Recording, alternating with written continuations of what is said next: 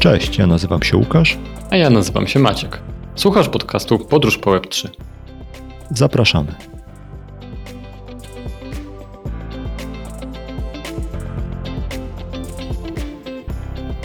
Cześć Łukaszu. Dzień dobry Maćku.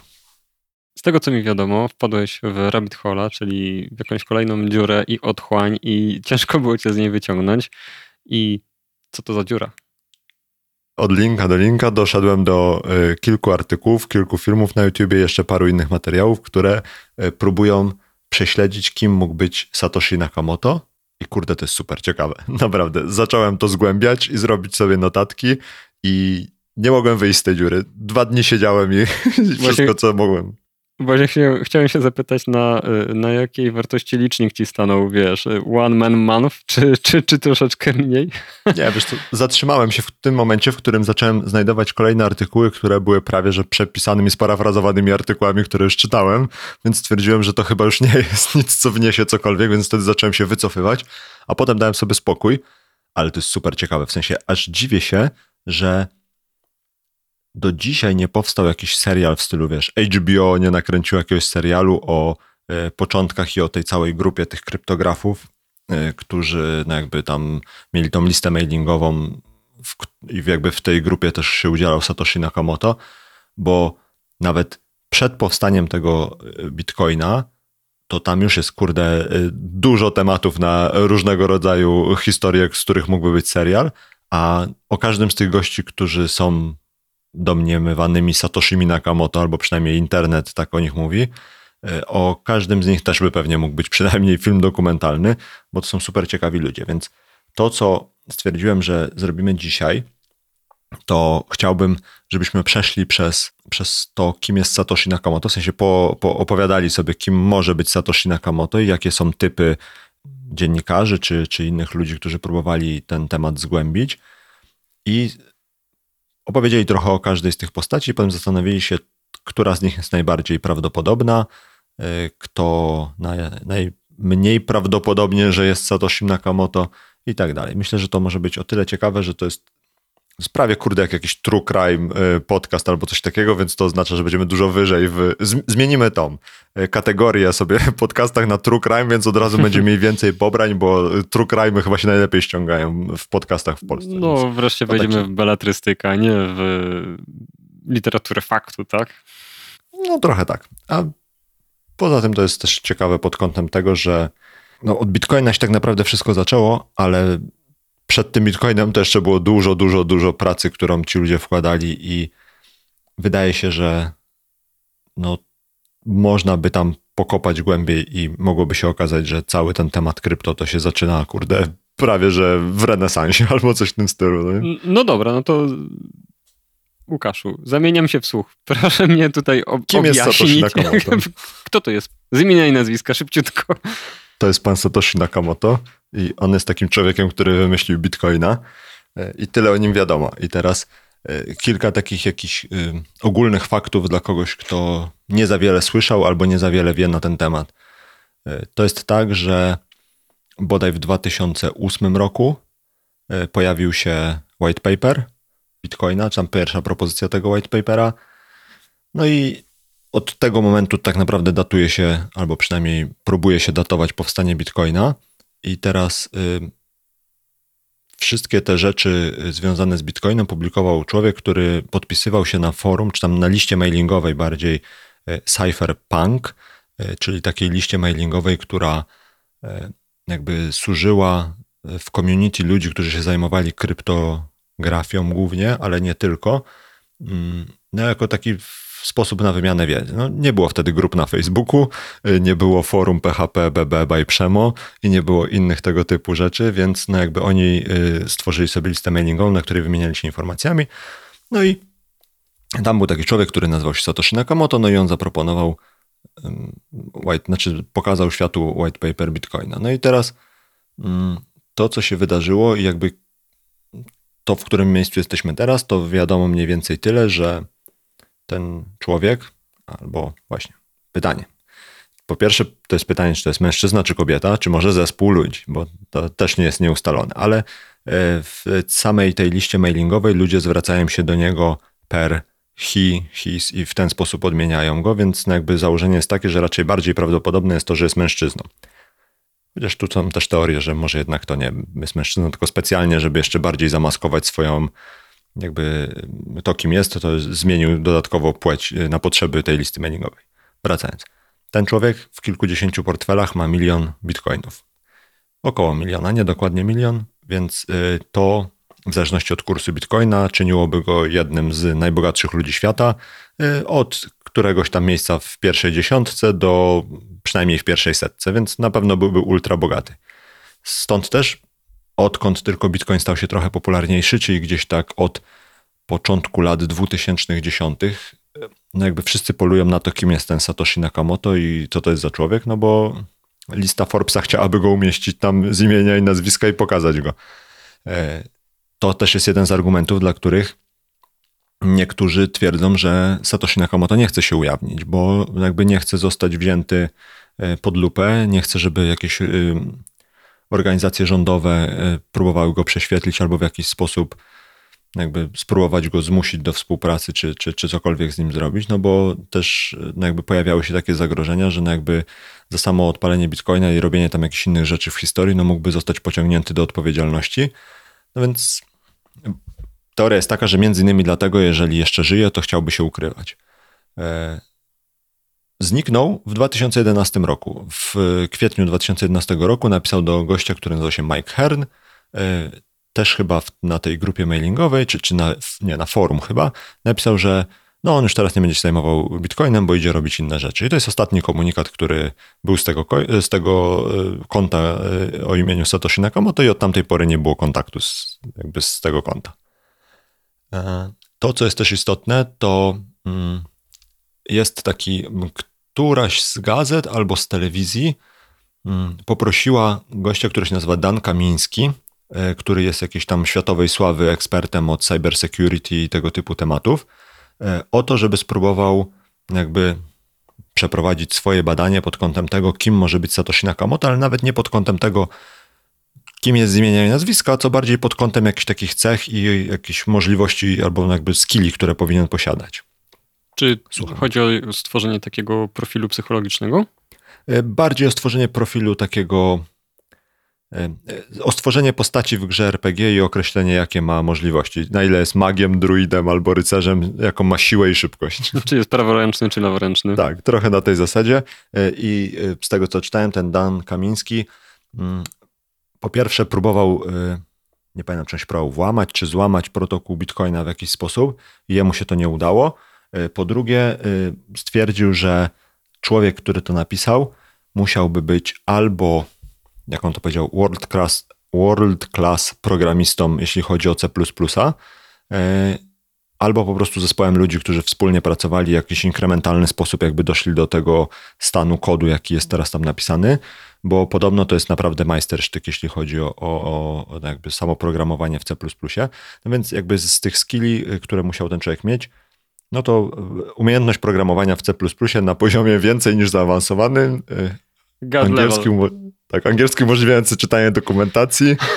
I jeszcze parę innych skilli pewnie też miał. Poza tym, to co jest też istotne, to oprócz samych tych umiejętności programistycznych, ten człowiek musiał też mieć bardzo głęboką wiedzę, taką kryptograficzną pod kątem jakichś algorytmów czy jakichś innych rzeczy związanych z samą kryptografią oraz y, sieciami peer-to-peer, bo to też jest A osobny... To jest ciekawe. No? A, to znaczy, to jest ciekawe o tyle, że ok, rozumiem, że fundamentem całego blockchaina jest właśnie kryptografia, ale z tego co pamiętam, jak czytałem mm, ten, ten white paper, no to tam jest no ten, ten szyfr SH, ale jakby, jakby rozumiem, że trzeba mieć ten background, żeby wymyśleć cały koncept, e, no ale te badania czy te white papery na tem, takie naukowe to już były wcześniej, prawda, tam w 90 którymś roku już pierwsze powstawały, e, więc Dlaczego musiał mieć taki background? Z czego to wynika, że ten gość doszedł do takiego wniosku, że ten background jest aż tak, wiesz, na wysokim poziomie, ten kryptograficzny przynajmniej? Mhm. Wiesz co, e, z tego co czytałem, ale już w ten temat nie zagłębiałem się jakoś tak, jakoś tak wiesz, nie nurkowałem w niego, e, ale e, jakby we wszystkich tych rozwiązaniach, które były przed Bitcoinem, które chciały być tylko peer-to-peer, bez jakiejś jednostki takiej centralnej, czy kilku, które miałyby pośredniczyć w tych transferach coinów, jakby problem zawsze był taki, że mm, ciężko, czy nie dawało się chyba rozwiązać problemu y, tego double spending, czyli tego, że w jaki sposób ustalić, czy cała sieć ma tą samą, ten sam stan w każdym momencie i tak dalej. I chyba y, magia y, jakby tego, co zrobił Satoshi Nakamoto, kimkolwiek jest, jest taka, że na fundamentach, które były robione i testowane wcześniej, on wybudował i wymyślił tak kompleksowe rozwiązanie, które znaczy na dzisiejszy stan nie ma tych problemów, które miały wszystkie tamte poprzednie e, protokoły. To znaczy, że zarówno faktycznie jest zdecentralizowane, faktycznie jest peer-to-peer, faktycznie jest e, jakby pod tym kątem kryptograficznym bezpieczne, e, jest też zakodowane w taki sposób, że nie ma bugów i tym podobne rzeczy, więc wydaje dziwne. mi się, że tak, to, to dziwne. Może dlatego, że tam nie ma frontendu i nie zmienia się, nie zmieniają się przeglądarki. Ale chyba chodzi o jakby takie zebranie wszystkich rzeczy, które do tej pory funkcjonowały lepiej lub gorzej w taką spójną całość, która jest jakby do wykorzystywania, no nie? Czyli to tak naprawdę chodzi o samą implementację, tak? Bo mamy white paper, white paper który jest y, podstawą teoretyczną, ale do tego jest y, ta część implementacyjna, y, no bo white paper opisuje problem do rozwiązania, czyli double spending nie może y, nie ma zgody na double spending, mhm. a, a, implementacja to, to jest ta część, która wykonuje e, to założenie i to był problem, żeby zaimplementować to tak, żeby to było skuteczne. Dobrze rozumiem? Ja chyba też to tak rozumiem. Co ciekawe, to nie jest tak, że e, pierwsza wersja kodu, jakby która została wypuszczona, że ona od razu działała i była ok i było wszystko spoko. Tam po drodze w tych pierwszych latach pojawiały się bugi. Co więcej, od momentu wypuszczenia white papera i jakby zaproponowania implementacji do momentu, w którym został wytworzony pierwszy blok, minęło tam dobrze ponad rok. No w sensie, bo White Paper się pojawił w 2008, chyba e, jakoś, nie wiem, chyba w drugiej połowie roku, natomiast pierwszy blok był w styczniu 2010, więc e, no tam trochę czasu minęło i co więcej, też w tych pierwszych latach funkcjonowania tam też się pojawiały bugi i jakby to już nie tylko Satoshi Nakamoto te bugi fiksował, ale też inni ludzie, którzy się zajęli jakby rozwijaniem tego tematu. Więc pan Dan Kamiński powiedział, że ten człowiek po pierwsze musiał być ekstremalnie dobrym devem C++, po drugie musiał łączyć y, oprócz wiedzy takiej związanej z programowaniem, też wiedzę z kryptografii i z sieci peer-to-peer, a co więcej, jeszcze musiał mieć jakieś albo zainteresowanie, albo podbudowę taką ekonomiczno finansową albo coś w tym stylu, przynajmniej na takim poziomie, żeby jakby sam koncept był wymyślony w taki sposób, żeby no nie miał takich jakichś oczywistych i podstawowych luk, które mógłby mieć, jeżeli ktoś by taki z ulicy sobie zaczął to wymyślać. No i teraz to, co jest też ciekawe, to jest to, że white paper jest napisany British English, więc jakby teoria jest taka, że ten człowiek albo jest Brytyjczykiem, Australijczykiem, albo kimś, e, kto korzysta natywnie z British English, albo kimś, kto się przeprowadził po prostu tam i nauczył się tego języka jako drugiego języka, mm, jakby w ten sposób zaczął w, jakby z niego korzystać i, i, dlatego jest to tak napisane. Jest też to oczywiście teoria, która mówi o tym, że ten człowiek był Amerykaninem, ale specjalnie napisał w British English, żeby było jeszcze trudniej go zlokalizować, bo y, na wszystkie te y, jakieś takie y, poszlaki, które mówią o tym, kim to może być, jest zawsze taka teza, że a zrobił to specjalnie, żeby się jeszcze bardziej zakamuflować. No więc mamy dwa, cztery, pięć, sześciu i jeszcze sześciu i pół, że tak powiem. E, więc e, pierwszym, którego chyba odkrył Newsweek w 2014 roku jest gość, który się nazywa Dorian Satoshi Nakamoto i e, jest podejrzany o bycie Satoshi Nakamoto. Easy. Easy, tak. To było za łatwe. Tak. Podobno do 73 roku miał na imię Satoshi, potem zmienił imię na Dorian Satoshi Nakamoto, Newsweek wskazał go jako gościa, który jest człowiekiem odpowiedzialnym za bitcoina. Facet mieszkał w chyba e, północnej albo południowej Kalifornii. E, podobno e, udzielał się w jakiś tam sposób w tym gronie. Znaczy, miał okazję poznać ludzi, którzy udzielali się na tej liście mailingowej cypherpunków. Był dwa razy zwolniony z pracy w banku. Raz bank zajął mu dom za kredyt, którego nie spłacał, więc tutaj jest takie podejrzenie, że e, bardzo nie lubił systemu bankowego i wszystkiego, co wokół tego jest, więc jakby tak ideologicznie pasował do tego, jakby z czym na sztandarach szedł Bitcoin, że tak powiem. Według swojej córki był libertarianinem, więc od tej strony takiej ideologicznej pasuje jakby, pasuje jakby pasował, no nie? Ale teraz mało stosunkowo osób uważa, że to on realnie mógł być osobą, która stworzyła Bitcoina, bo trochę nie wiadomo, na ile on mógł mieć tych takich twardych skilli, które były potrzebne. To znaczy, wiadomo, że pracował kiedyś w IT, pracował y, nad rzeczami związanymi z elektroniką, y, pracował nad rzeczami związanymi, czy w branży związanej z wojskowością, nad rzeczami związanymi z komunikacją, ale trochę nie wiadomo, co on tam robił. Od 2001 roku to w ogóle nie wiadomo, gdzie on pracował i czy gdziekolwiek pracował. Oczywiście to jest taka, że wtedy zaczął już pracować nad Dokładnie Bitcoinem, tak. więc tak, więc y, no jakby nie mógł pracować nigdzie indziej. Y, I kiedyś w jakimś wywiadzie chlapnął coś w stylu, że y, już nie robi bitcoina, bo oddał go innym. No ale potem okazało się, że jak go ktoś inny zapytał o te słowa, powiedział, że on nie zrozumiał do końca o co chodzi, nie myślał, że chodzi o o bitcoina, tylko o coś innego i że to w ogóle nie o to mu chodziło, to było wyrwane z kontekstu pod tezę zrobione i tak dalej, i tak dalej. Y, wycofał się z tego, powiedział, że to nie on y, i co więcej powiedział, czy tam napisał gdzieś, że o bitcoinie to on w ogóle dopiero usłyszał w 2014 roku od swojego syna. Więc te rzeczy powodują, że mało osób w niego wierzy. Z drugiej strony, według rodziny, pan Dorian Nakamoto podobno miał bardzo taki wręcz obsesję na punkcie prywatności, e, bawił się w anonimizowanie wszystkich wiadomości, w sensie maili, które wysyłał. Miał takie poczucie, że w internecie, czy jakby w tym, co robi, jakby chce być jak najbardziej anonimowy i jakby mm, nie zdradzać światu, że rzeczy, które gdzieś tam wypuszcza, czy publikuje, to on. Więc od tej strony takiej ideologicznej wygląda, że pasuje, od tej strony takiej technicznej wygląda, że nie wiadomo, czy pasuje. Natomiast facet sam powiedział, że to nie on. Więc Raczej y, konsensus jest taki, że mało kto traktuje poważnie to, że pan Dorian y, Satoshi Nakamoto y, jest prawdziwym Satoshi Nakamoto. Raczej są tezy, że on był dawcą imienia dla kogoś, inspiracją. Kto, tak, inspiracją dla kogoś, kto go znał i kto widział całą historię z jego jakby tymi przeprawami, z pracą i z wywłaszczeniem z domu i jakby, że jakby ktoś, kto go znał albo słyszał o nim, wziął jego imię i nazwisko, jak wymyślał sobie pseudonim e, do używania w internecie, że tak powiem. Bo łatwo byłoby dopasować do niego całą teorię po prostu, nie? No tak, więc y, to jest nasz pierwszy podejrzany, którego raczej nikt za bardzo y, nie uważa jako prawdziwego Satoshiego Nakamoto.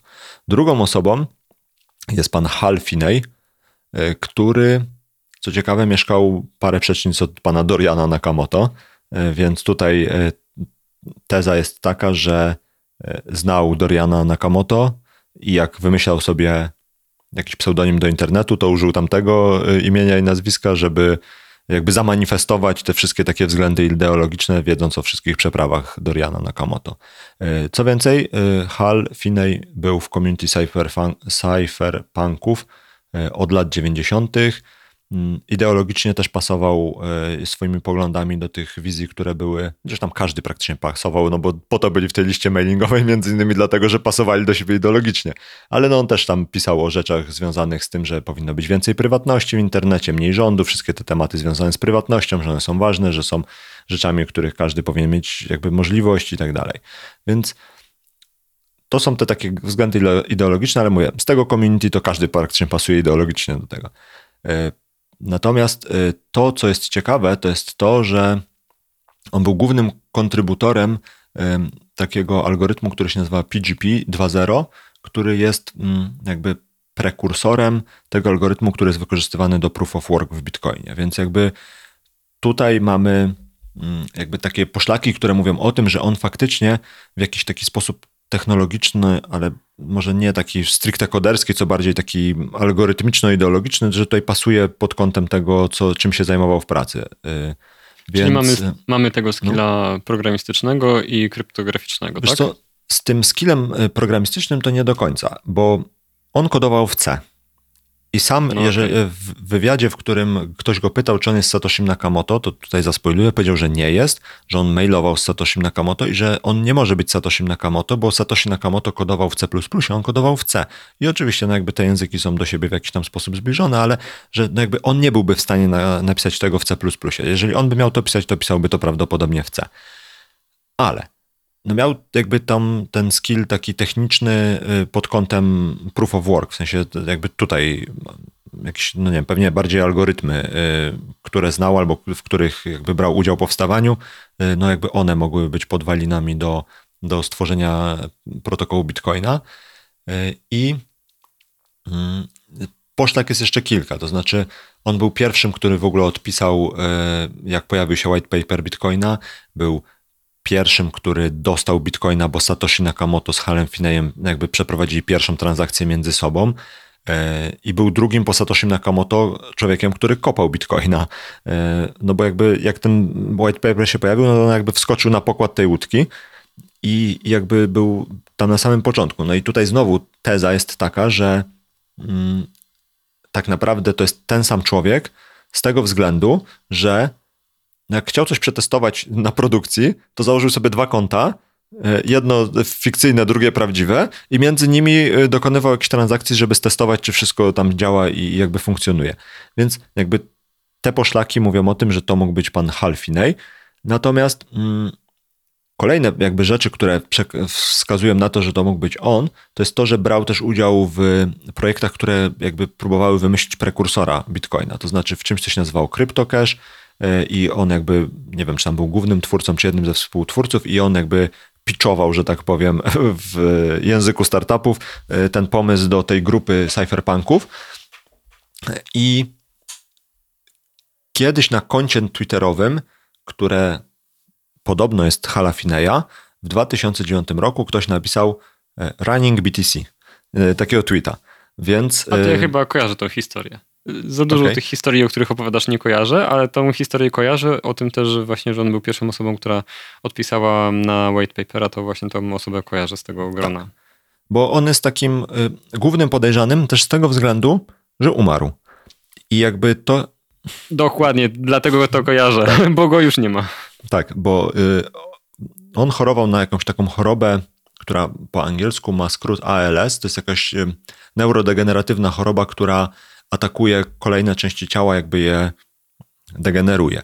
I to zaczyna się podobno najczęściej od układu ruchu, ale potem też idzie jakby, że tak powiem, w stronę głowy i jakby potem się traci, z tego co słyszałem, czy tam czytałem, e, traci się możliwość mówienia, potem są też jakieś problemy z, z pamięcią i tak ogólnie z, ze wszystkim, co związane z takimi procesami myślowymi, więc on odszedł z tej PGP Corporation, czyli tej firmy, która tworzyła e, algorytm PGP, znaczy cały ten, nie wiem, tam pewnie jakiś ekosystem tych rzeczy wokół tego algorytmu, w 2011 roku, bo już wcześniej zaczął chorować na tą chorobę ALS i jakby nie mógł pracować. No i teraz to się spina z tym, co wiemy o Satoshim Nakamoto, bo on napisał w 2011 roku, że już y, idzie robić inne rzeczy. I teraz to wszystko by pasowało, w sensie ideologicznie pasuje. Technicznie, technologicznie powiedzmy, że jest w miarę blisko. Facet robił też rzeczy, które były prekursorami Bitcoina, czyli ten CryptoCash, mm, pitchował go do cypherpunków, był w tym community. No wydaje się, że praktycznie we wszystkich tych punktach odhacza, y, że to mógł być on. No tylko problem jest taki, że jakiś dziennikarz go zapytał, czy jest Satoshim Nakamoto i on powiedział, że nie. Co więcej, podobno pokazał temu dziennikarzowi swoje maile i korespondencję z Satoshim Nakamoto. No i y, wzięli tą korespondencję y, jacyś badacze od badacze od pisma, w sensie nie od Biblii, tylko od y, sprawdzania y, stylu pis, y, tak. Dokładnie. Y, I, I sprawdzili i porównali te maile, które on wymieniał z Satoshim Nakamoto y, z ogólnodostępnymi jakimiś takimi y, rzeczami, które napisał Satoshi Nakamoto, między innymi z white paperem, no i porównali style tych, tych dwóch różnych źródeł danych, no i wychodzi na to, że faktycznie Halfinej wygląda na to, że pisał z gościem, który był tym samym gościem, który pisał white papery i wszystkie inne wpisy na forum czy w tej liście mailingowej. I sam twierdzi, że on by nie był w stanie tego wymyślić i że jakby on gadał z tamtym człowiekiem, więc to nie on. A jak już poruszyłeś tą analizę pisma, wiesz, w stylu pisania raczej, y, To mi się obiło o uszy i teraz nie wiem, czy, ty, czy też o tym słyszałeś, jak robiłeś swoje badania i wykopaliska, że któraś z agencji rządowych amerykańskich też zależy jej na tym, żeby ustalić, kim jest Satoshi Nakamoto i korzystając z jego publicznych pism, różnych i na grupach, i, na, i w tym white paperze, skwantyfikowała to do jakiejś takiej, wiesz, do jednej próbki danych i mając dostęp do wszystkich maili świata, no bo to jest, o chyba o NSA chodziło, e, szukała też takiego wzorca maila, czy wzorca właśnie stylu pisma, żeby zmeczować autora z tym wzorcem. E, nie, nie słyszałeś o niczym takim? Wiesz co, może gdzieś mi to mignęło, ale na pewno nie słyszałem, żeby coś im z tego wyszło takiego, żeby faktycznie kogoś znaleźli innego niż te, te osoby, które tam i tak są. Celowo tego nie opublikowali, to dlatego. Ale wiesz, bo... Ukryli go teoria spiskowa to jest, dlatego pytam, czy na to się też na, napotkałeś na taką wersję. Pewnie mieszka w Argentynie obok Hitlera albo obok kogoś tam innego, kto na pewno nie, obok Elvisa. E, no, wracając do Halafineja. E, no, on powiedział, że to nie on, e, więc jakby tutaj przynajmniej w jakiś taki sposób mm, zdjął z siebie to podejrzenie, że jest Satoshi Nakamoto. Natomiast no, problem jest taki, że no, nie żyje. Drugi jest taki, że nikt nie rusza tych y, bitcoinów od momentu, w którym wylądowały w tych portfelach. Więc y, jest znowu takie podejrzenie, że nie przekazał nikomu kluczy do tych portfeli, dlatego te, te bitcoiny, ten około miliona bitcoinów, no jakby utkną tam na zawsze, no bo pan Halfinej zmarł i jakby nikt nie będzie w stanie już tego ruszyć nigdy. Y, co więcej, Vitalik Buterin, czyli jakby współzałożyciel, czy jeden z głównych założycieli Ethereum, który zanim założył Ethereum, udzielał się e, w community bitcoinowym jakby tam współtworzył jakiś tam, nie pamiętam, czy to była gazeta, czy portal około bitcoinowy. On zapytany w podcaście Lexa Friedmana, kim jest Satoshi, znaczy najpierw Lex Friedman, wszystkich tych gości, z którymi gadał, którzy są tymi powiedzmy kryptografami i ludźmi zaangażowanymi w to community, wszystkich pyta najpierw, czy jesteś Satoshi Nakamoto? No i każdy z nich odpowiada, że nie. No i Vitalik też powiedział, że on nie jest y, Satoshi Nakamoto, więc kolejne pytanie brzmi, to kto jest? No i właśnie Vitalik mówi o tym, że y, jeżeli miałby kogoś obstawiać, to jest to Halfinej, i że to no właśnie ze względu na to, że był pierwszym, który kopał Bitcoin, oprócz Satoshiego Nakamoto pierwszym, który dostał i tak dalej. I też dlatego, że umarł, że jego zdaniem najbardziej prawdopodobną osobą, jeżeli to jest jedna osoba, to jest to właśnie Halfinej. E, więc no to też jakby Vitalik jest raczej osobą taką, bym powiedział, prominentną w świecie e, krypto, więc no to też w jakiś sposób e, jakby zwiększa prawdopodobieństwo tego, że to może być Halfinej. Natomiast nie dowiemy się tego nigdy. Facet nie żyje. Co więcej, jest też takie podejrzenie, y, to też znowu chyba bardziej zakrawa na jakąś teorię spiskową, że w związku z tą chorobą on dlatego się wycofał z faktu, że jest y, Satoshi Nakamoto, bo albo nie pamiętał, albo już miał jakieś zaburzenia pamięci, y, albo w ogóle świadomości i że to jakby z tego wynika fakt, że on się do tego nie przyznał. No bo to już było podobno dość, w, w, momencie, w którym dziennikarze z nim rozmawiali, to już był podobno w dość zaawansowanym stanie ta choroba. To, to nie był jakiś początek, tylko to już było dość późno. A wiesz co, Łukaszu, jak teraz słucham twojej gawędy mm, i przedstawić dwóch potencjalnych Satoshich, ja się nad tym nie zastanawiałem oczywiście wcześniej, y, czekałem na twoją gawędę, ale być może to wy, wy, wyprowadzę swoją teorię spiskową, bo jak tego słucham, to mi się wydaje, że jedną z wersji wydarzeń może być to, że cała ta grupa, to jest Satoshi Nakamoto, zrobiła sobie taką, czy zrobiła grupę, czy wykorzystała tą grupę do tego, żeby wprowadzić personę Satoshiego, e, zrobiła takiego człowieka wirtualnego po prostu, który taką wirtualną tożsamość. Każdy z nich nie skłamie, mówiąc, że, jest, że nie jest Satoshi Nakamoto, bo nie jest, bo to jest na przykład właśnie grupa osób, która łącznie reprezentowała takie wysokie skille z różnych dziedzin mm, IT, od kryptografii przez y, C++, sieci y, czy peer-to-peer. I oni, żaden z nich nie skłamie, nie przyznając się do bycia Satoshim, a jednocześnie każdy brał udział w tym projekcie.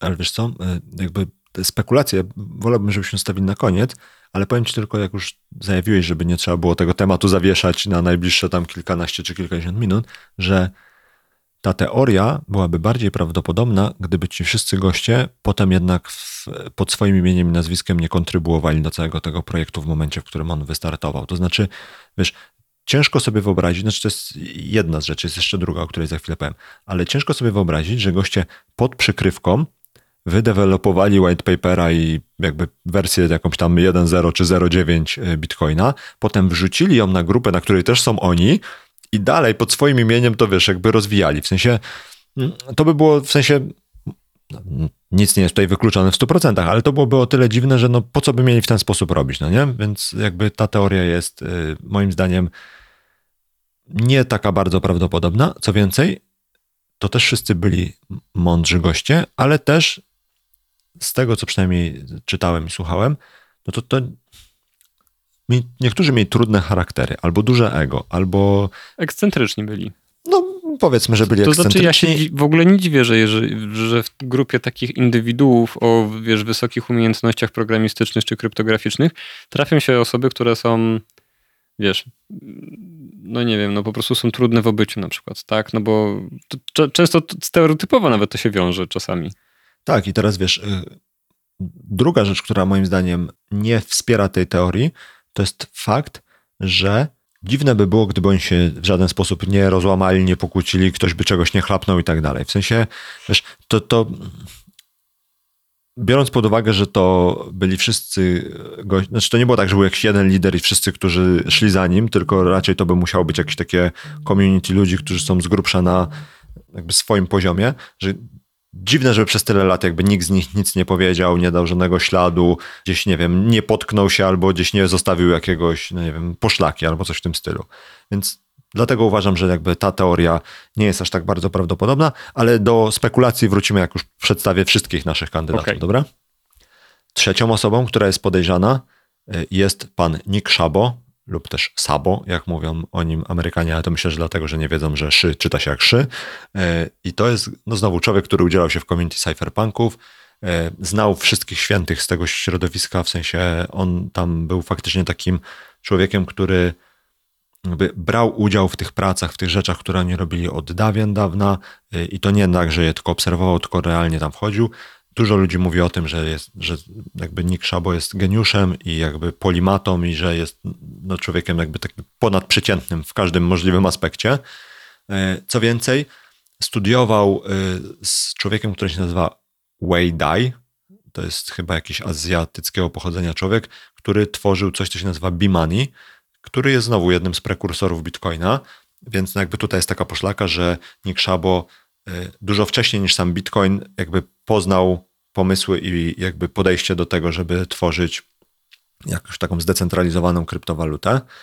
E, co więcej, mm, Nick Szabo miał też swojego bloga, na którym no, przypisuje się jemu jako pierwszemu, jakby powstał taki pomysł na to, żeby kopać, czyli jakby robić obliczenia i on nazwał to właśnie miningiem. Więc jakby to też jest jakby mm, taka poszlaka, która mówi o tym, że jakby naming stworzył na tą, tą pracę, która, którą wykonują jakby górnicy, czyli na te wszystkie obliczenia, które są robione. Co więcej, on też wymyślił koncept smart kontraktów i nazwał je smart kontraktami w 96 roku, czyli na długo, długo przed Bitcoinem. Więc tak znowu ideologicznie i nazwowo y, od tej strony bardziej takiej technologicznej wygląda na to, że on faktycznie Zostawiał okruszki, które doprowadziły do chatki o, z, z, nazwą Bitcoin, no nie? Ale poczekaj, mm, Bitcoin nie wspiera smart kontraktów, nie? Trochę to brzmi tak, jakby wyprzedzał swoją, wiesz, swoje czasy, nie? No tak, tak, bo wiesz, no to jest kwestia taka, że oni wszyscy chyba w tej grupie cypherpunków, oni mm, wymyślali, czy jakby współtworzyli projekty, które trochę nie wiedzieli, czym będą. To znaczy, wiesz, to jest świat, w którym nie ma jeszcze Bitcoina, nie ma Ethereum, nie ma żadnej innej kryptowaluty, żadnych takich rzeczy związanych z blockchainem, więc trochę te rzeczy, tak mam wrażenie, że pączkowały w różnych częściach tego ekosystemu i potem trochę na zasadzie takich y, klocków Lego ktoś łączył dwa klocki ze sobą i stawiał na tym kolejny klocek albo dobudowywał jakieś, jakieś coś dodatkowego. Więc y, no tak, jakby tutaj y, no wiesz, sam fakt tego, że on go wymyślił smart kontrakty w 96 roku, to do 2008 mógł dużo jeszcze mieć przemyśleń na ten temat i mógł zapomnieć o tym, że wymyślił smart kontrakty. Y, więc to jest to. Co więcej, on opisywał też y, rzeczy, które ideologicznie pasują do pomysłu Bitcoina i to się nazywało BitGold. i jakby to w swojej takiej warstwie właśnie ideologicznej jakby brzmi jak Bitcoin w wersji 0.9 albo coś w tym stylu. Te blog posty, które on znowu publikował,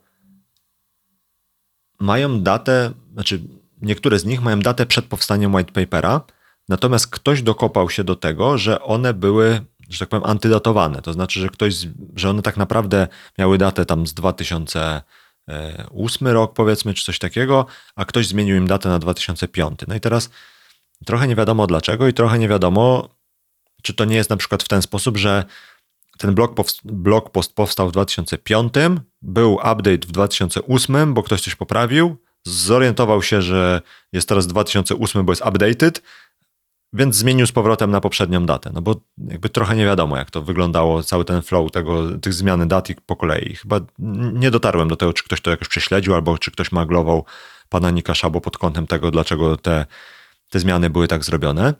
Co ciekawe, i to jest w ogóle najciekawsze, bo y, z Nickiem Szabo rozmawiał kiedyś Tim Ferris w swoim podcaście. I Nick Szabo powiedział, że y, no on tam coś zrobił i zrobił Bitcoin, y, Bitgolda.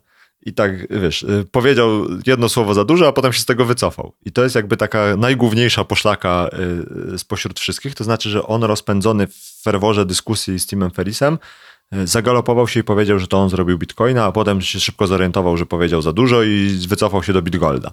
Więc to dużo osób traktuje jako przyznanie się do tego, że to on. No, potem on oczywiście pytany wielokrotnie, czy to on i dlaczego tak powiedział. Powiedział, że tam no, zapędził się, pomyliło mu się, przejęzyczył się i że to oczywiście nie on. E, ale znowu człowiek, który zajmuje się stylem pisania, tak zwany stylometric expert, tak się nazywa podobno ta e, instytucja człowieka, który e, zajmuje się właśnie tym badaniem. Teraz doczytałem w moich notatkach, że nawet zanotowałem to. On stwierdził, że styl pisania Nika Szabo e, jest podobny do stylu pisania Satoshiego Nakamoto, więc w teorii, jeśli chodzi o sam taki część tą językową, to mógłby być on. Ale wiesz co, y, bo Nick Szabo, z tego co ja czytałem gdzieś tam wcześniej, no to wiesz, jest twórcą wielu elementów tego całego ekosystemu. Wiesz, publikował artykuły naukowe. Jeżeli teraz y, tworzysz coś, co bazuje, no wiesz, fundamentalnie na tym, co opracowała inna osoba, no to jest też bardzo prawdopodobne, że zapożyczasz styl czy sformułowania do swojego nowego white papera, no bo wiesz, bazujesz to tak jak twoje nowe rozwiązanie inżynierskie, wiesz, programistyczne, jakiekolwiek, bazuje na bibliotekach czy elementach wymyślonych przez innych i je przypomina jako nowy twór, przypomina, no bo składa się z nich, tak samo, wiesz, jestem zdania, że być może sam white paper, bazując, zaczerpnął, wiesz, zawarł tę ideę z innych mm, opisów podobnych konceptów po prostu, nie? Więc to, wiesz, tak jak ciebie też słucham, to wyczuwam, że każda z tych osób coś kiedyś chlapnęła i to jest tak, jedna, jedna osoba powiedziała jedno słowo, druga osoba zrobiła coś, trzecia osoba się nazywa tak, jak się nazywa, czwarta osoba, wiesz, jest idealna, no, ale mówi, że nie, nie? I wiesz, no wiesz bo, e, poszlaki same. Tak, wiesz, bo jak ja czytałem o tych gościach, to o którymkolwiek nie czytałem, sobie myślałem, to ten. A potem czytałem o tym, a nie, to jednak ten. A nie, ten też ten. pasuje. no, tak. I każdy mi pasował, a potem każdy mi nie pasował, jak przeczytałem o następnym, albo przesłuchałem o następnym. Więc tak, no to trochę tak to działa. Wiesz, z tym Nikiem Szabo o tyle historia jest ciekawa, że on zaprzecza, mm, on dalej żyje, on dalej się udziela. Y, jakby myślę, że już jakby nieraz go ludzie maglowali o to i jakby próbowali w jakiś sposób mu udowodnić, że on to on. On twierdzi, że nie. Y, nie rusza tych bitcoinów, które są na tych portfelach, y, robi jakieś inne swoje rzeczy i tak dalej, więc no tutaj się trochę ta część, w sensie inaczej.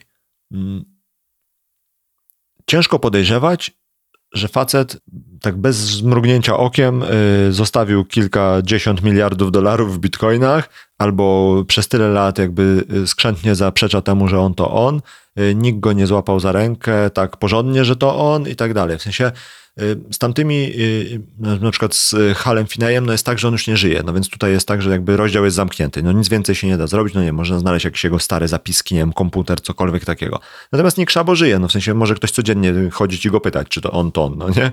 E, I jakoś nikt do tej pory przez te naście lat e, w żaden sposób tak e, niepodważalnie nie udowodnił, że on to zna, dalej są poszlaki. Więc No to jest nasz kolejny kandydat, że tak powiem. Kolejny kandydat jest super ciekawy. Gość nazywa się Paul Laroux, albo Laroux, jak e, pewnie powinno się powiedzieć. E, I to jest taki gość, który, o którym było swego czasu głośno, bo on stworzył taki wehikuł, to znaczy taką firmę, która w Stanach sprzedawała recepty ludziom, którzy chcieli kupić jakieś lekarstwa. Działało to w taki sposób, że szli do jakiegoś lekarza w jakiejś wiosce gdzieś w centrum Stanów Zjednoczonych i mówili mu: Cześć, wystaw receptę na to. I on wystawiał. I ten ktoś, kto kupował tą receptę, dostawał tą receptę wystawioną przez legitnego lekarza, albo co więcej, już nawet wykupioną w lokalnej aptece, bo pan aptekarz z lokalnej apteki w ogóle się nie dziwił faktu, że lekarz z jego miasta wystawia receptę, a że pan aptekarz nie zna wszystkich mieszkańców tego miasta, to się tam nie czepiał. No, tylko że to jest niespecjalnie legalne, no nie? Y, więc, no, ten, ale zarobił na tym kupę pieniędzy i. Mm, nie wystarczyło mu to może w ten sposób. No i potem y, stwierdził, że y, no ponieważ ten biznes jest taki mało mający szansę wytrzymać, więc stwierdził, że zacznie zajmować się też innymi rzeczami. Jest krótkoterminowy. No powiedzmy. Y, więc potem zaczął robić narkotyki, bo one są bardziej wytrzymałe. one możliwe. są bardziej sprawdzone. Tak. I jakby potem zaczął handlować narkotykami, bronią, dostarczał broń do krajów afrykańskich do, na wojnę i tak dalej. E, w ogóle to jest super ciekawa historia, o nim chyba w ogóle powstał jakiś film, czy film dokumentalny, bo gość był jakimś takim genialnym programistą, który został królem zbrodni e, na, znaczy w latach 2000, tam chyba na przełomie, początek lat 2000 do tam 2000, nie pamiętam którego, nastego, no nie? E, I no to jest facet, który w tamtym czasie był najbardziej chyba poszukiwanym kryminalistą świata. E, finansował e, mnóstwo jakichś tam rzeczy związanych z wojną, łącznie z tym, że dostarczał właśnie do jakichś tam dyktatorów afrykańskich broń, handlował narkotykami, e, mieszkał na jakiejś łodzi, którą pływał po, po różnych miejscach. Generalnie współczesny ojciec chrzestny, albo coś w tym stylu, no nie? No i teraz, no to jest ciekawe i wszystko spoko, i to prowadzi do takiego punktu, w którym jakby poszlaka jest pierwsza taka, że no, jemu zależało na tym, żeby był takie coś jak Bitcoin, takie przelewy peer-to-peer, bo trochę ciężko się pierze non-stop te miliony czy miliardy dolarów, no nie? Ma use case'a od razu gotowego, nie? Tak, tak. No jakby był żywotnie zainteresowany tym, żeby y, coś na kształt Bitcoina funkcjonowało, bo bardzo by mu się to przydało do jego interesów, które prowadził. Co więcej, mm, no nie lubił się z bankami i z całą taką infrastrukturą bankowo-rządową, więc te wszystkie kwestie związane z anonimowością i tak dalej były mu bardzo bliskie tak ideologicznie. E, co więcej, on był też bardzo taki uczulony na punkcie swojej prywatności, to znaczy e, w takim chyba topowym momencie, tam w tych wszystkich, nazwijmy to firmach, które on prowadził, pracowały tam jakieś tysiące ludzi i po pierwsze widziało go bardzo mało osób, tak na żywo, po drugie Większość z tych osób myślało, że pracuje w legitnych firmach, które funkcjonują i nie wiedziały, że pracują tu, gdzie pracują i kto jest ich szefem, bo no, facet miał bzika na punkcie tych rzeczy związanych z anonimowością i prawdopodobnie też między innymi dlatego tak długo się utrzymywał, bo to dobrych kilka lat był mocno poszukiwany i tak dalej. E, no i no, miał tego use case'a, czyli no, chciał te pieniądze wyprać w jakiś taki sposób, żeby to miało ręce i nogi. To, co jeszcze wspiera tezę o tym, że to on, to jest fakt, że w 2012 roku poszedł do więzienia. E, I e, poszedł do więzienia za bardzo dużo różnych rzeczy, w tym za zabójstwa i jakieś tam inne rzeczy. No poza tymi takimi związanymi z pieniędzmi, to, to też podobno ma na sumieniu kilka osób, a na pewno zlecił zabójstwo kilku osób, więc no szybko nie wyjdzie prawdopodobnie. Tam nie pamiętam ile tam 30 czy lat dostał więzienia koniec końców. E, I pojawił się taki news, że nie wiem, komu on to powiedział, czy jakiemuś prawnikowi, czy jakiemuś dziennikarzowi, czy w sądzie to powiedział, że jak wyjdzie z więzienia, to on chce robić koparki e, do bitcoinów, bo wymyślił w więzieniu chip, który będzie dużo e, sprawniejszy przy kopaniu bitcoinów i będzie bardzo dobry i jakby zrewolucjonizuje branżę kopania bitcoinów. No i tutaj znowu poszlaka i teoria jest taka, że no dlatego to wymyślił, bo to on wymyślił bitcoina i on wie, jak to zrobić i zaprojektował sobie e, cały chipset pod to, żeby ten bitcoin się tak super kopał, no nie? I teraz, mm, no oprócz tych wszystkich rzeczy związanych z, z jakby takim geniuszem zbrodni, którym był, to okazuje się, że facet wcześniej był też, no tak jak wspominałem, genialnym programistą, czy tam jakimś człowiekiem związanym z IT, bo w 99 roku stworzył coś takiego, co się nazywa E4M, czy też E4M, M, e, Encryption for the Masses to się nazywa. I to jest jakaś open source'owa biblioteka chyba, którą on opublikował w takim samym jakby stylu, w jakim został opublikowany Bitcoin. To znaczy, że mm, opublikował e, do listy mailingowej z prośbą o feedback, jakby jakąś tak, coś na kształt white papera, jakby taki sposób launchowania produktu był bardzo zbliżony do tego, w jaki sposób to było zrobione w przypadku Bitcoina. To znaczy też były opublikowane prośby o feedback, jakieś poprawki, open source yy, i tak dalej. Modus tak dalej. operandi. O, no ładnie tak. I co więcej, on używał British English, bo kurde, nie zanotowałem sobie skąd on był, bo on miał nie z RPA?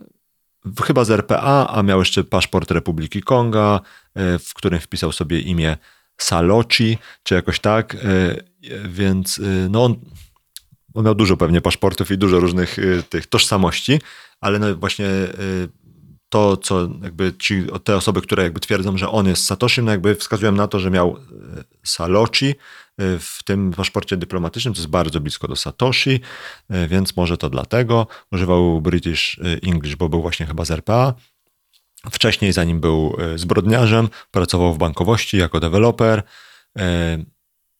dobrze szło mu ukrywanie, jak robił te wszystkie takie lewe biznesy, szczególnie na tą mniejszą skalę, no bo jak już zaczął sprzedawać dyktatorom zbrodnie, to już chyba było go trochę łatwiej znaleźć, e, ale generalnie mm, jakby wydaje się, że on pod tym względem takim technologicznym mógłby potencjalnie pasować, szczególnie, że rozma- e, jakby w, zrobiono wywiad z kimś, kto teraz nie pamiętam, czy on z nim pracował, a nie zanotowałem sobie tego, czy, czy studio, Coś w tym stylu. W sensie miał z nim jakiś kontakt i twierdził ten człowiek, że e, to był chyba jakiś gość z uczelni jakiejś, że to był najmądrzejszy i najbystrzejszy człowiek, którym on miał do czynienia w swojej tam 30-letniej karierze naukowej, czy coś w tym stylu. No więc jakby mm, ta wypowiedź ma jakby tak sugerować, że no pod tym kątem takim technicznym i technologicznym pan Paul Laru e, powinien być w stanie wygenerować coś takiego jak Bitcoin miał żywotny interes w tym, żeby tego bitcoina odpalić, bo pomógłby on mu w tych jego zbrodniach. W 11 napisał, że idzie robić inne rzeczy i tutaj teoria jest taka, że no, wiedział, że już go ścigają i że zaraz go złapią, więc idzie robić inne rzeczy, czyli idzie siedzieć. Złapali go w 12 i faktycznie poszedł siedzieć. W więzieniu powiedział, że zrobi e, koparkę do bitcoinów, bo zaprojektował swój chip, no bo wie, jak, jaki jest zamysł bitcoina i rozumie go tak, że tak powiem, do, do samego środka używa British English, więc jakby wydaje się, że on wszystkie te rzeczy odhacza. Problem jest taki, że on nigdy nie przyznał się do tego, że jest Satoshi Nakamoto i jakby nie wiem, czy było z nim jakoś tak za dużo wywiadów, bo to chyba jak on już był y, długo w więzieniu, to jakby ludzie zaczęli wskazywać na niego palcem, no bo jakby nie był takim naturalnym kandydatem jak ci wszyscy inni z imienia i nazwiska z tej listy cypherpunków. Y, natomiast to, co trochę nie pasuje do całej tej układanki, to jest to, że miliard, yy, znaczy kilka miliardów dolarów, w sensie 1 milion bitcoinów w 2011 roku, znaczy inaczej, 1 milion bitcoinów dzisiaj to jest kilka miliardów czy kilkanaście miliardów w zależności od tego, jak był kurs. W 2011 roku to to nie było tak dużo, w sensie to były bardzo małe pieniądze. Yy, przy jego skali obrotów, że tak powiem, to była kropla w morzu. Znowu, z drugiej strony, ludzie twierdzą, że właśnie dlatego, że to była kropla w morzu pieniędzy, które on posiadał, dlatego mu się nie chciało ich ruszać, bo nie miał takiej potrzeby, bo po co miał ruszyć tam 500 tysięcy dolarów czy coś w tym stylu, skoro gościu obracał milionami czy tam miliardami, no nie? A potem go złapali. A potem go złapali. I już, już nie mógł. Tak, i jak urosło, to nie mógł i że teraz te bitcoiny leżą i czekają, aż gościu wyjdzie i wtedy je ruszy i będzie spoko, no nie? I będzie sobie z tego żył i nikt nie będzie wiedział, że to on.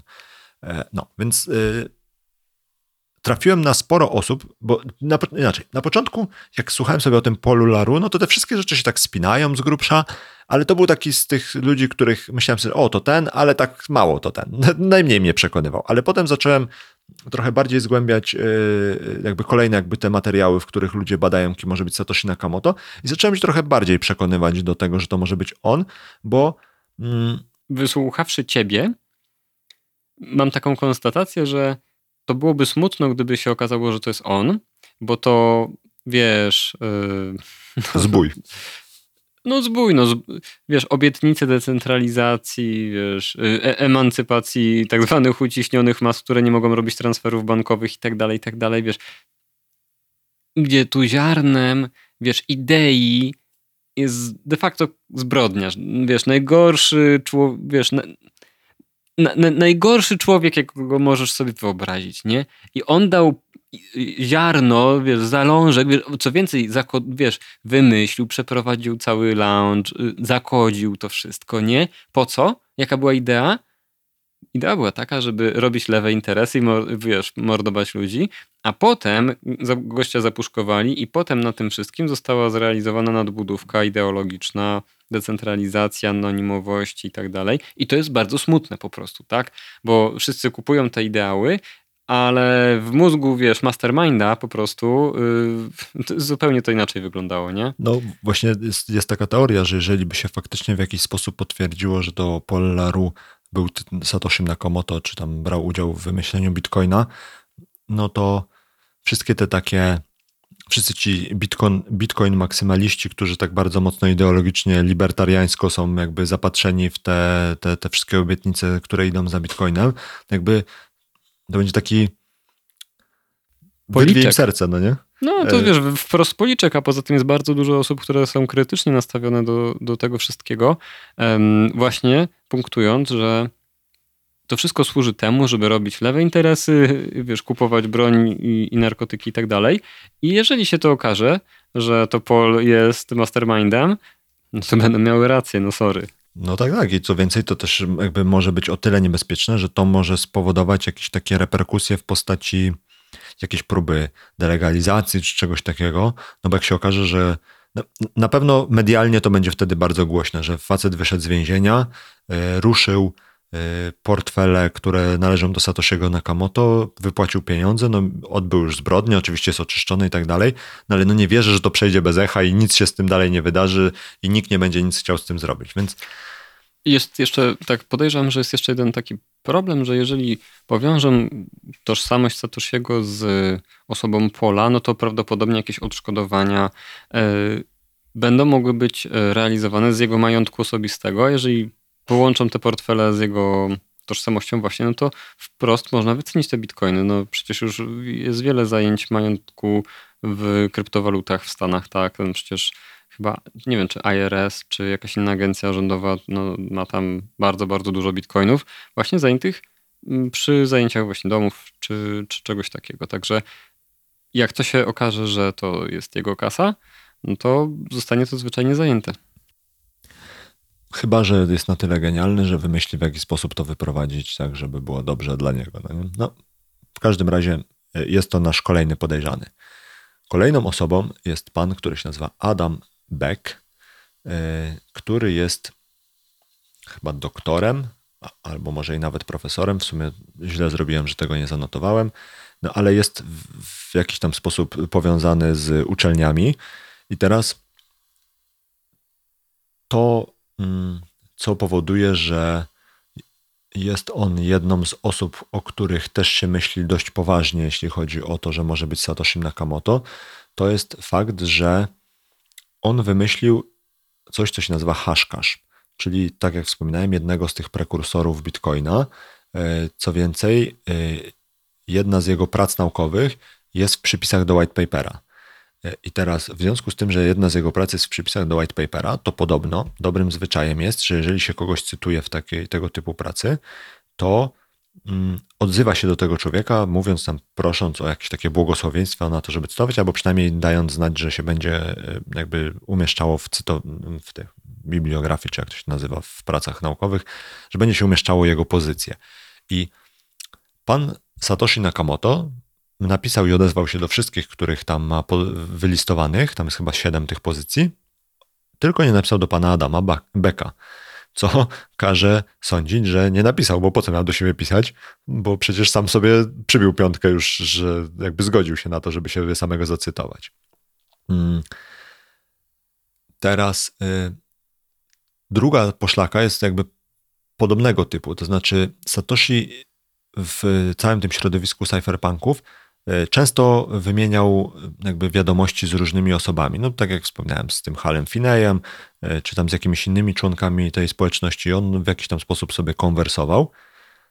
Nigdy prawdopodobnie nie konwersował w ramach tego community z panem Adamem Beckiem.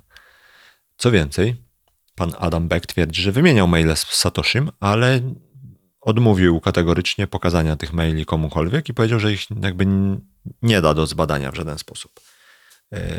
E, kolejną rzeczą jest to, że e, jakby w jakiś sposób e, on też był jedną z osób, która w community cypherpunków mm, ten, tego kolejnego z prekursorów Bitcoina, czyli B-Money, też tam podbijał, w sensie takim, że starał się, żeby nie zapomniano o tym i żeby w jakiś sposób to było, jakby żył ten temat, żeby był rozwijany i żeby w, no jakby cały czas prace nad tym się toczyły dalej. Więc no tutaj znowu hipoteza jest taka, że y, to, ponieważ on był jednym z tych, którzy wymyślili hashcash, potem jakby stymulował to środowisko do tego, żeby rozwijać Bimani, że jakby on tak iteracyjnie doszedł do momentu, w którym był w stanie wymyślić e, Bitcoina, bo nauczył się na hashcashu, nauczył się e, kontrybując do Bimani i tak dalej, że jakby ten Bitcoin to był jakby kolejny, że facet miał pomysł, próbował go zrealizować kilka razy i w przypadku Bitcoina to się udało po prostu. Czy mógł to zrobić? Mógł technicznie, technologicznie, podobno dlatego, że e, pisał w C++, to znaczy, że był realnie doświadczonym i takim szanowanym programistą C++. Nie wiadomo na ile genialnym, na ile po prostu dobrym, e, ale no na pewno tutaj język programowania się zgadza e, i ma też patenty e, w kilku tematach związanych z enkrypcją. Nie sprawdzałem, co to są za patenty, ale no po prostu jakby zajmował się naukowo tymi tematami i ma też kilka patentów w tym obszarze. Co więcej, zniknął z, ze świata takiego akademickiego trochę przed, przed czasem, w którym pojawił się white paper Bitcoina i wrócił tam chyba dopiero w 2019 roku, czy coś w tych okolicach. W międzyczasie zakładając firmę, która się nazywa Blockworks, nie, jakoś inaczej. Coś z tym deseń. To jest jakaś notowana na giełdzie bardzo zamożna firma, która chyba z tego, co tam sprawdzałem, robi między innymi jakieś rzeczy związane z kopaniem bitcoinów. E, więc jakby to też jakby rzuca na niego światło jako osobę, która jest tutaj w jakiś sposób zaangażowana w to community i jakby skorzystał z tego, że wymyślił coś, co jakby wypuścił w świat i zrobił wokół tego biznes, który jest takim normalnym, zwykłym biznesem, e, notowanym chyba nawet na giełdzie. Co więcej, w czasie, w którym, hmm, znaczy inaczej, Facet jest Brytyjczykiem, może tak. I mieszkał w Londynie. Więc. Yy, mamy British English w White Paperze. Tak, mamy tutaj British English w samym centrum British. Yy, I teraz yy, też jest taka kolejna poszlaka, że Satoshi jak coś pisał, to robił dwie spacje po kropce. W sensie taki był jakby nie wiem, tik czy coś. Y, to podobno wynika z faktu, że jak się pisało na maszynie do pisania, czyli jest się człowiekiem trochę starszej daty i pisało się na klawiaturze w maszynie do pisania, to robiło się dwie spacje po kropce. Nie wiem do końca dlaczego, podobno tak było. E, I że osoby, które kiedyś pisały na klawiaturze maszyny do pisania, jak zaczęły się uczyć na komputerze, to dalej w ten sam sposób pisały, że nie wszyscy się tego doczyli. I w jakichś tam dostępnych dokumentach z tamtych czasów podobno pan Adam Beck dokładnie w ten sam sposób robi, to znaczy pisze dwie spacje po y, kropce, nawet jak pisze w Wordzie. No nie? I teraz y, to wydaje się takie trywialne, ale z drugiej strony to oznacza, że albo się nauczył takiego dziwnego tiku, albo to był po prostu wyuczony nawyk związany z faktem pisania na klawiaturze. A że pan Adam Beck ma dużo lat, w sensie no, teraz to jest chyba gdzieś tak koło 60, po, po 60 chyba, więc jakby pasuje, jakby mógł, będąc naukowcem, y, jeszcze w jakby takim bardzo mocno naukowym ekosystemie i hubie naukowym w Londynie, że no jakby jest szansa, że on faktycznie mógł pisać na klawiaturze maszyny do pisania przez wiele, wiele lat, zanim w ogóle zaczął korzystać na co dzień z komputera. E, wydaje się, że z tymi tematami związanymi z, mm, z, z kryptografią był zapoznany i jakby uczony w tym na tyle, żeby faktycznie mógł tutaj w jakiś sposób to wymyślić. Co więcej, programował w C. E, więc wydaje się, że wszystko tutaj tak z grubsza pasuje, że pan Adam Beck pasuje jako idealny wręcz kandydat. Wiesz co, no ale u kogo nie pasuje? A coś takiego U jak Doriana Nakamoto chyba najmniej pasuje. no, no, no, ty no, Nakamoto pasuje. Wrócimy do tego później, Maćku. Dobrze. Ale wydaje się, że tu wszystko pasuje u pana Adama Becka, poza jednym. Nikt nie wie, czemu on miałby się nazywać Satoshi Nakamoto. W sensie, on nie mieszkał w Kalifornii obok pana Satoshiego Nakamoto. Yy, Nie wiadomo. Jedyna poszlaka, która próbuje go połączyć w jakiś sposób z imieniem i nazwiskiem Satoshiego Nakamoto jest taka, że Adam Beck pisał z Halem Finejem i być może tamten mu wspomniał o gościu, który się nazywa Satoshi Nakamoto. I że to w ten sposób. No i tutaj cała ta taka teoria wydaje się być taka na cienkim włosku wisząca, no bo to naprawdę dużo gwiazd by się musiało ułożyć w ten sposób, żeby goście z dwóch y, końców świata, jeden z Londynu, drugi z Kalifornii, y, którzy są zaangażowani w community cypherpunków, y, że oni akurat rozmawiali o typie, który mieszkał parę y, bloków, czy tam dzielnic dalej od tego, znaczy przecznic dalej od Hala Fineya i że rozmawiali akurat o nim i że facet w Londynie podłapał to jako imię i nazwisko człowieka, który faktycznie miał być yy, jakby jego alter ego takim internetowym. No nie biorąc pod uwagę, że on się udzielał też pod swoim imieniem i nazwiskiem, więc no tutaj to tak trochę nie pasuje, w sensie takim, że no, to mi wygląda jak gruby minić miszyten. No nie? Co więcej, pan Adam Beck oczywiście się nie przyznaje. Mówi, że to nie on jest Satoshi Nakamoto. Jak ale nie się przyznał, dlaczego. to nie, nie mielibyśmy tego odcinka. Tak. Ale są za Ale- to ludzie, którzy się przyznają. Okej, na to I- czekam. Jest jeden gość, który się nazywa, jego sobie za bardzo nie zanotowałem, ale to zaraz szybciutko tutaj znajdę, jak on się nazywa. E, Jörg Molt, niemiecki ex-DJ magik z Las Vegas, który twierdzi, że jest to. Bitcoina. Tak. E, I który na tym, że jest co-founderem Bitcoina, próbował sprzedawać jakieś tam bilety na swoje występy. No ale umówmy się, jego nikt nie traktował poważnie, więc jakby jego tutaj nawet nie, nie zanotowałem sobie. No, ale teraz wracamy do samego początku naszej dyskusji, czyli do pana Craiga Wrighta, czyli e, tego człowieka, o którym wspominał Marcin i który był początkiem mojej drogi. Pan Craig Wright twierdzi, że jest Satoshi Nakamoto. I teraz, dlaczego tak twierdzi? Bo mówi, że e, no w ogóle tak, gościu jest doktorem, nie lekarzem, tylko doktorem nauk e, w tematach związanych chyba z IT właśnie i z jakimiś, z- bezpieczeństwem. Jest Australijczykiem, więc tutaj e, British English checked. I mm, twierdzi i jakby pokazuje, że pisał blog posty o tematach związanych z krypto przed Bitcoinem. I teraz wszystko byłoby spoko, tylko no znowu znaleziono, że te blogposty to one są antydatowane, że on je napisał dużo, dużo później, a potem zmienił ich datę na wcześniej i to zmienił tą datę w momencie, w którym zaczął chodzić i twierdzić, że jest Satoshi Nakamoto. No nie? Więc y, to tutaj nie za bardzo, y, nie za bardzo pasuje. Y, Co więcej,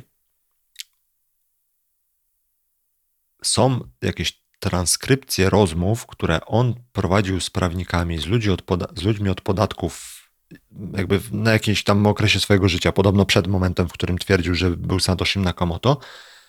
Y, I on im mówił o tym, że jest y, Satoshi Nakamoto i że stworzył Bitcoina i zastanawiał się, jak to tam coś zrobić podatkowo, żeby dało się cokolwiek z tym zrobić. No i gościu twierdzi, że jest Satoshi Nakamoto. y, Twierdzi, znaczy wydaje się, że teoretycznie mógłby pasować, bo jest doktorem nauk, robił jakieś rzeczy związane z IT, z, ogólnie z kryptografią, y, więc tutaj w teorii wydaje się, żeby wszystko pasowało. No tylko pojawia się taki jeden problem, to znaczy wszyscy mu mówią, y, cytuję, mordo, skoro jesteś Satoshi Nakamoto, to weź no rusz któregoś bitcoina na jednym z tych portfeli. No i on mówi, zaraz, zaraz, zaraz ruszę. I do tej pory nie ruszył. Więc y, mam takie wrażenie, przynajmniej tych w tych materiałach, które, y, które przeglądałem, że no raczej nikt poważnie nie bierze tego, że raczej to jest tak, że mm, teza jest taka, że facet chce się po prostu wylansować i zrobić z siebie Bóg wie kogo, y, twierdząc, że jest Satoshi Nakamoto. Z grubsza wydaje się, że tak w jakimś takim wyizolowanym systemie może by i to pasowało, że jest tym Satoshi Nakamoto, tylko nie potrafi w żaden sposób tego udowodnić. Co więcej, Vitalik Buterin, wspominany już przeze mnie, e, wprost mówi, że Craig Wright jest oszustem, że on na pewno nie jest Satoshi Nakamoto e, i no, wszyscy, którzy się śledzą trochę to, co robi Vitalik Buterin, raczej wiedzą, że to jest taki gość, który jest raczej powściągliwy w tym, co mówi, raczej taki wyważony, spokojny, e, raczej no to nie jest typ showmana, czy jakiegoś takiego człowieka, który wchodzi na scenę, pół ludzi się w nim zakochuje, a pół on obraża i nie mogą się w nim zakochać, tylko raczej to jest taki spokojny, stonowany człowiek. Natomiast w sytuacji, w której jest mowa o Kregu Rajcie, on się zapala, mówi wprost o tym, że Kregu Rajcie, pozwij mnie, jeżeli chcesz, ale na bank nie jesteś Satoshim Nakamotą, to jest niemożliwe i jako podstawę do tego podaje to, że w jakichś tam rozmowach, w, jakby w których, czy w wywiadach, czy w jakichś konferencjach, na których brał udział, Craig Wright myli się w jakichś takich podstawowych rzeczach związanych z kryptografią. Y, on tam podawał jakiś przykład tego, że mm, on mylił jakieś takie podstawowe stwierdzenie, znaczy, że y, mylił chyba y, podnosz, podnoszenie 2 do potęgi której z mnożeniem 2 razy coś tam, jakieś takie, takie rzeczy związane z takimi podstawami matematycznymi, które są tak basicowe, że fakt, że Craig Wright się w tych kwestiach myli, albo wydaje się, że nie rozumie, jak to funkcjonuje, tylko powtarza jakieś rzeczy i co jakiś czas się myli, bo mu się zapomniało, jakby powoduje, że no nie ma możliwości, żeby on był tym geniuszem, który wymyślił, jeszcze to wszystko zakodował i tak dalej. E, pan Craig Wright oczywiście mówi, że to on wymyślił, ale że jest jednym z twórców, że tam było ich więcej, ale. Mhm. E, nie powie więcej. W każdym razie, przyjął taką linię obrony, że poszedł do jakiegoś sądu w Miami czy gdzieś i powiedział: Jestem Satoshi Nakamoto, y, proszę mnie tutaj udowodnić, że y, ja to ja. No? I był tam jakiś proces, on tam w którejś instancji wygrał y, i tyle. Jakby dalej nie ruszył żadnych bitcoinów, dalej nie za wiele osób wierzy, że on jest Satoshi Nakamoto, a on jeździ po świecie i mówi dlaczego tak, dlaczego nie inaczej. Tam są jakieś takie artykuły, gdzie, czy tam nawet chyba jakieś wywiady z nim, czy, czy wystąpienia konferencji, które on tam tłumaczy, dlaczego użyli, e, użył tego pseudonimu i tak dalej, ale po tym wszystkim, co tam przeczytałem i jakby usłyszałem, to ja raczej już mi się nie chciało tego, tego e, jakby tematu zgłębiać, no bo ta historia wydaje się być dość mało prawdopodobna, a mianowicie no, w 2008 opublikował, w 2011 zniknął, i w 16 sobie przypomniał, że to on jest synek Satoshi Nakamoto. Y, I jeszcze tak nie za bardzo potrafił udowodnić fakt, że jest Satoshi Nakamoto, poza tym, że no ma jakieś tam rzeczy związane z krypto, które niby robił kiedyś wcześniej, ale no jak sprawdzono, to robił jednak później i tak dalej. Więc jakby ta historia w moich oczach wygląda przynajmniej tak, że gość zorientował się w tam w 2015-2016 roku, że y, to może być, może żyć z tego, że będzie Satoshim Nakamoto. E, zrobił wszystko, co mógł, żeby w jakiś tam sposób zbliżyć się do takiego wizerunku Satoshiego Nakamoto, a potem po prostu uparcie chodzi i twierdzi, że nim jest. E, raczej chyba w tym całym takim community nikt tego niepoważnie jakoś nie traktuje. E, chociaż może się teraz komuś narażam, po prostu może nie dotarłem do tej bańki informacyjnej, która czci i wielbi Craiga Wrighta i twierdzi, że on jest jednak Satoshim Nakamoto przy okazji tego procesu, który miał udowodnić, to znaczy, bo on wytoczył proces swojemu wspólnikowi, partnerowi, który jakby zmarł i tak naprawdę chodziło o to, żeby on uzyskał prawa do tych właśnie bitcoinów zamrożonych na tym portfelu, więc chodziło o połowę tego portfela i on wygrał ten proces i ten sąd w Miami jakby na papierze przynajmniej powiedział, ok, ty ziomuś jesteś e, Satoshi. Także teoretycznie to, to, to, ta sprawa jest dosyć gruba, no bo sąd w Miami mówi i przyznaje rację mm, Kregowi, mówiąc, ty jesteś Satoshi. Więc jeżeli by spojrzeć tak y, na, mm, na sądownictwo, tak, na, na historię spraw, która jest, wiesz, no teoretycznie wyrocznią, no to sprawa jest zamknięta, Craig Wright jest y, Satoshi, nie?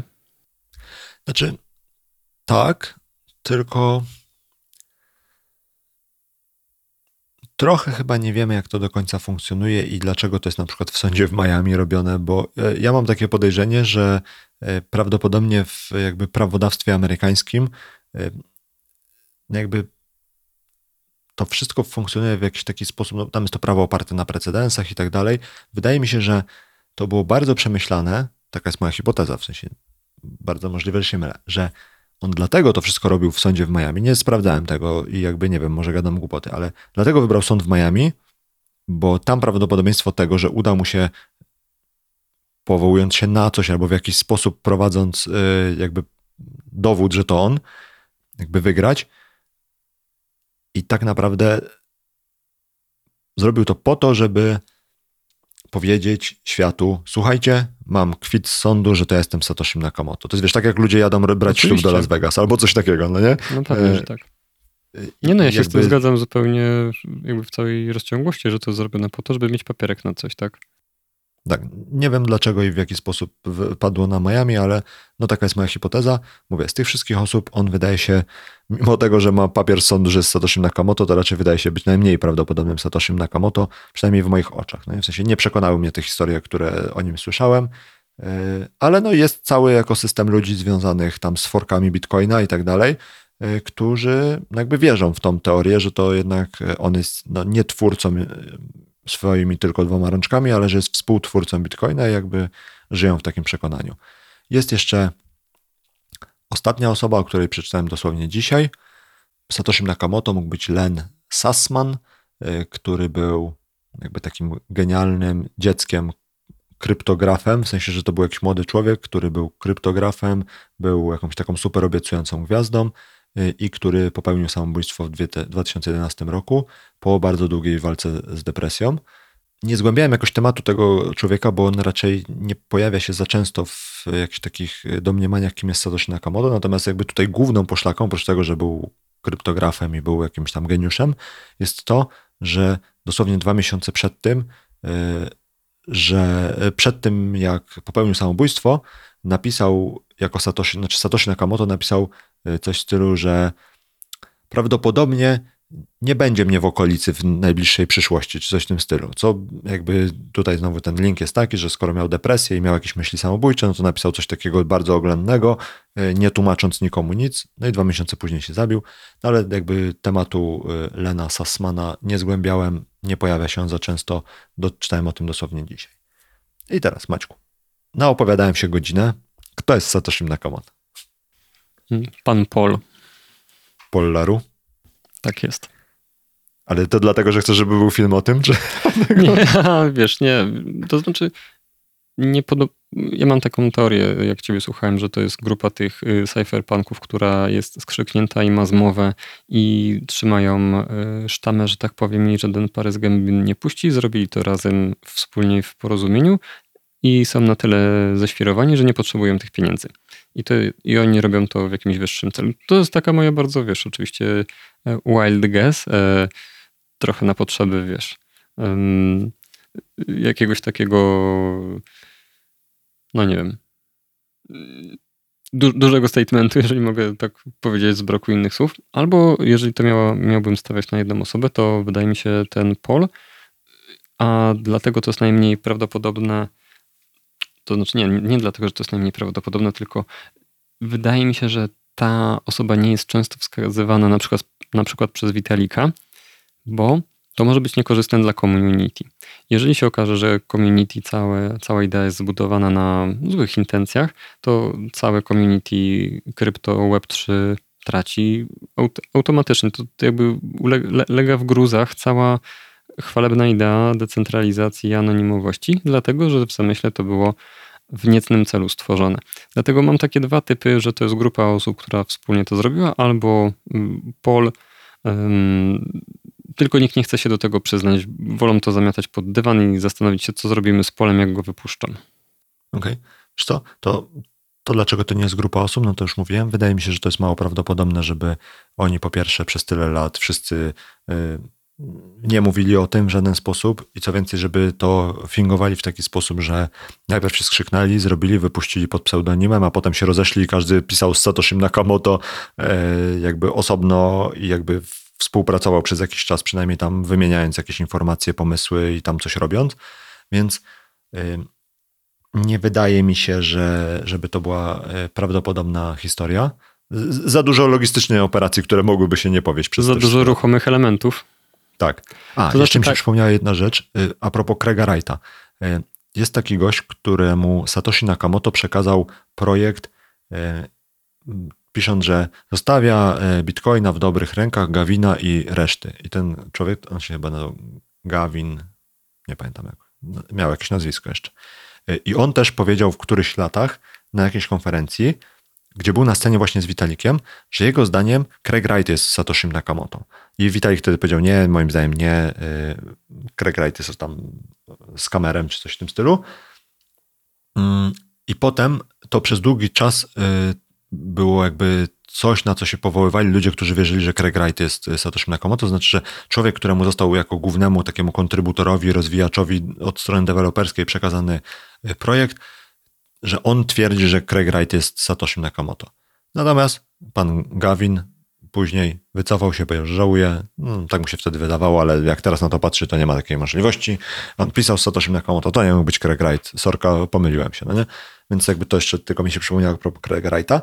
A a propos pana Paula Laru, wydaje mi się, że to znowu jest mało prawdopodobna sytuacja, o tyle, że no gość był jakimś tam geniuszem zbrodni, no nie? I teraz to wszystko się tak filmowo układa, że on by był tam jakimś genialnym programistą i tak dalej. Tylko nikt nie do końca wie, co znaczy być genialnym programistą, no nie? Co, y, znał całego HTML-a i CSS-a i potrafił napisać cały front w czystym HTML-u z pamięci. Y, no, wydaje się, że on robił jakieś rzeczy związane z kryptografią, miał żywotny interes w tym, żeby ta, to, to wszystko funkcjonowało, żeby coś takiego jak Bitcoin powstało. Tylko teraz trochę nie wiadomo, jak on taki, wiesz, szeroki obszar, jakim jest w ogóle cała ta kryptografia, wszystkie te rzeczy no, związane. Peer-to-peer. Tak, że jak on te wszystkie rzeczy i w którym momencie on je wszystkie poznał, poznał je na tyle, żeby samemu wygenerować coś takiego jak Y, Bitcoin z całym swoim pomysłem.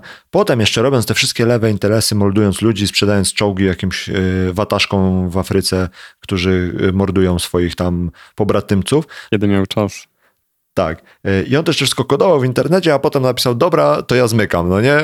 Bo wiedział, że go zaraz zamkną, no nie? W sensie, to by wszystko ładnie wyglądało, tylko tak, po pierwsze nie wiadomo trochę, dlaczego miałby się nazywać Satoshi Nakamoto, poza tym, że miał paszport, który miał imię podobne, E, które nie wiadomo, czy sobie wymyślił, czy takie po prostu, nie wiem, znał kogoś takiego, ale nie wiadomo, czy miałbyś tak nazywać.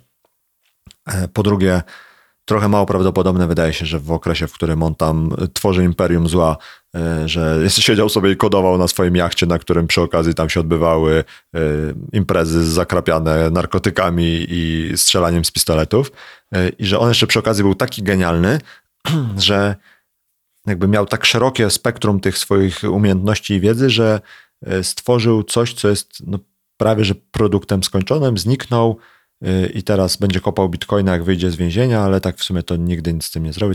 W sensie, Wiesz, o tyle jest dobrze, że to się da zweryfikować, jak on wyjdzie z tego więzienia, jeżeli dożyje końca. No? Tak, to znaczy, wiesz, no, te dwa moje typy są na potrzeby tej dyskusji, bo zielonego pojęcia nie mam, ale na potrzeby, wiesz, pokłócenia się z tobą albo powymieniania y, opiniami wybrałem te, y, bo mi się podobają, wiesz, z jednej strony ta idea, że Topol jest, stoi za, za Bitcoinem, jest bardzo niewygodna i to mnie tak, wiesz, nikomu nie zależy na tym, żeby to się okazało, że to jest on. Ja uważam, że wydaje mi się przynajmniej, że mm, w tym świecie jest bardzo dużo ekscentrycznych osób. Ekscentrycznych, no zobacz, no, historie, które przytaczasz, tak? Ludzie, którzy y, ukrywali się, wiesz, zbrodniarze, są, znaczy wiesz, no w grupie tych podejrzanych, tak, no oczywiście, oni są na tyle ekscentryczni, że wydaje mi się, że mogą być również zdolni do takiego zaplanowania tego, bo wiesz, z punktu widzenia nawet takiego growth hackingu, czy jakiegoś takiego, wiesz, guerrilla marketingu, stworzenie takiej persony, wprowadzenie jej na salony takie wirtualne i wykorzystanie do tego, żeby z nią korespondować na grupie mm, mailingowej, nie wydaje mi się niczym nadzwyczajnym. A potem się okazuje, że a to jeden, jeden kolej zapomniał się dodać do copy maila. Wiesz, to są te błędy, o których ty mówisz. Jeden się zapomniał dodać do copy maila, drugi chlapnął bitcoin, a bitgold, czy wiesz, coś, coś w tym stylu. Każdy jeden miał jakiś mały lapsus i teraz każdy, kto miał lapsus jest wytypowany do tego, że to on jest wiesz, osobistym Satoshim, nie? Także to tak jakby właśnie to, na co ty zwróciłeś uwagę, że to jest niemożliwe, bo jest za dużo ruchomych elementów. Dokładnie te ruchome elementy teraz klekoczą, ale w większej maszynie. Nie jestem przekonany, ale nie będę się no kłócił, dobra, bo trudno. rozmawiamy o czymś, co tak naprawdę nie ma rozwiązania na dzień dzisiejszy. To, co z mojego punktu widzenia jest fascynujące, to jest to, że tak naprawdę od no, lekko licząc dekady, ludzie próbują znaleźć, kim jest Satoshi Nakamoto. No, podejrzewam, że nie jedna osoba i nie jedna rządowa agencja w międzyczasie były zaangażowane w to, żeby spróbować ten temat tutaj rozwikłać.